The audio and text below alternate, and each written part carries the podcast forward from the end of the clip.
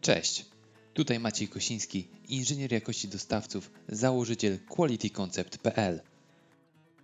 A w dzisiejszym odcinku podcastu usłyszycie o tym, jak stawiać odpowiednie kamienie milowe pracując na etacie.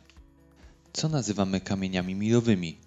Definicji jest kilka, ale upraszczając, jeśli myślimy o kamieniu, myślimy o czymś dosyć sporym, dużym i tak powinniśmy tutaj myśleć, ale w kontekście dużych, ważnych rzeczy, a najważniejsze przełomowych. Kamień milowy to punkt, do którego dążysz w życiu czy w pracy i osiągnięcie go pozwala zamknąć pewien etap. Jest to też moment, który pozwala na analizę tego, co wydarzyło się, aby ten cel zrealizować. Efektem kamienia milowego jest wyciągnięcie wniosków, aby przechodząc do kolejnego przysłowiowego kamienia milowego, osiągnąć go szybciej dzięki lekcji z wcześniejszego etapu. Kamień milowy jest stricte związany z rozwojem zarówno osobistym, jak i rozwojem organizacji. Taki lesson learned. Jak zatem określać kamienie milowe dla siebie i swojej pracy? Kilka sprawdzonych porad. Zapraszam. Przede wszystkim należy zacząć od dokładnego planowania swojego dnia, tygodnia, miesiąca, a potem nawet lat. Jest to niezbędne do tego, aby wiedzieć, gdzie chce się być i jakie kompetencje posiadać za jakiś okres czasu. Odpowiedzcie sobie sami na pytanie, co w ostatnim tygodniu uważasz za sukces osobisty, albo trudniej, wymień trzy kluczowe osiągnięcia z ostatniego roku. Potrafisz?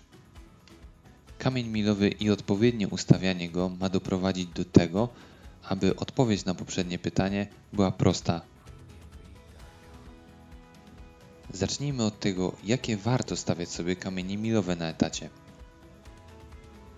Wiedza merytoryczna, kompetencje miękkie, komunikacja w języku obcym, obsługa informatyczna czy programistyczna. Są to punkty, które są doskonałymi obszarami do stawiania kamieni milowych w tych nawet najmniejszych odstępach czasowych. W kilku słowach postaram się Wam to zobrazować. Wiedza merytoryczna. Większość organizacji planuje budżety roczne i w takowym budżecie znajduje się pozycja szkolenia. Mam świadomość, że każdy z Was jest na innym etapie wiedzy merytorycznej, natomiast pamiętać należy, że rozwojowi nie mówi się dość. Wypisz trzy punkty ze swojego obszaru, w którym nie czujesz się najlepiej. W moim przypadku może być to chociażby postępowanie z jakąś nową normą, nową metodyką weryfikacji niezgodności. I to jest pierwszy kamień milowy dla mnie na okres pierwszych 6 miesięcy, a więc wziąć udział w szkoleniu z trudnego zagadnienia. Drugim kamieniem milowym, do którego Cię bardzo zachęcam, bo ma również drugie dno, to przekazanie wiedzy swojemu zespołowi w firmie po jakimś określonym czasie.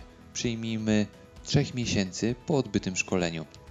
Przygotowanie materiału szkoleniowego dla nich i zrealizowanie tego szkolenia niech będzie tym drugim finalnym, wieńczącym kamieniem milowym dla Ciebie na jeden rok w obszarze, czyli wiedzy merytorycznej. Kompetencje miękkie. Dużo osób traktuje tę kompetencję jako coś, co po prostu się ma albo się nie ma. Natomiast prawda jest zdecydowanie inna. Powinniśmy szczególnie dbać o rozwój tego obszaru. Jeżeli chcesz dobrze wypaść na spotkaniach, to oprócz tego dobrze przygotowanego materiału w postaci prezentacji, musisz to jeszcze dobrze zaprezentować. Jak to odpowiednio zrobić? Na co zwrócić uwagę, tak aby wychodząc ze spotkania osiągać zamierzony cel?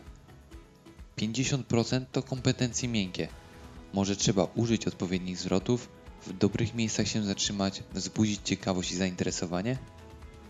Niech kamieniem milowym będzie stworzenie prezentacji z ostatniego projektu i pokazanie, co według Ciebie mogło pójść lepiej i nad czym będziecie pracować. Wrzuć do tego chwilę na burzę mózgów, moderuj to spotkanie i wyjdź z niego z porcją gotowych pomysłów, bo przecież te kompetencje miękkie do tego celu również można użyć. Komunikacja w języku obcym. Starajcie się uczestniczyć w spotkaniach, w których rozmawia się w innym języku. Osłuchajcie się z fonetyką danych osób, jak będzie trzeba, płynnie włączycie się do dyskusji. Masz problem z językiem? Skorzystaj z dofinansowań w firmach na naukę takiego języka. Chcesz indywidualne lekcje? W pierwszym podcaście wspomniałem, że istnieje wiele metod nauki języka, a ja szczególnie polecam w dzisiejszych czasach korzystać z lekcji 1 na 1 przez Teams czy Skype z nauczycielem, nie tracąc czasu na dojazdy. Po roku nauki powinieneś potrafić prowadzić rozmowy w innym języku. Brzmi jak dobry kamień milowy? Język to podstawa rozwoju, bez niego będzie ciężko iść dalej w organizacji. Świadomość łatwości komunikacji znacząco wpływa na poprawę jakości Waszej pracy. Obsługa informatyczna. Punkt jasny w pracy na etacie, bo przecież Excela czy pocztę trzeba umieć obsługiwać.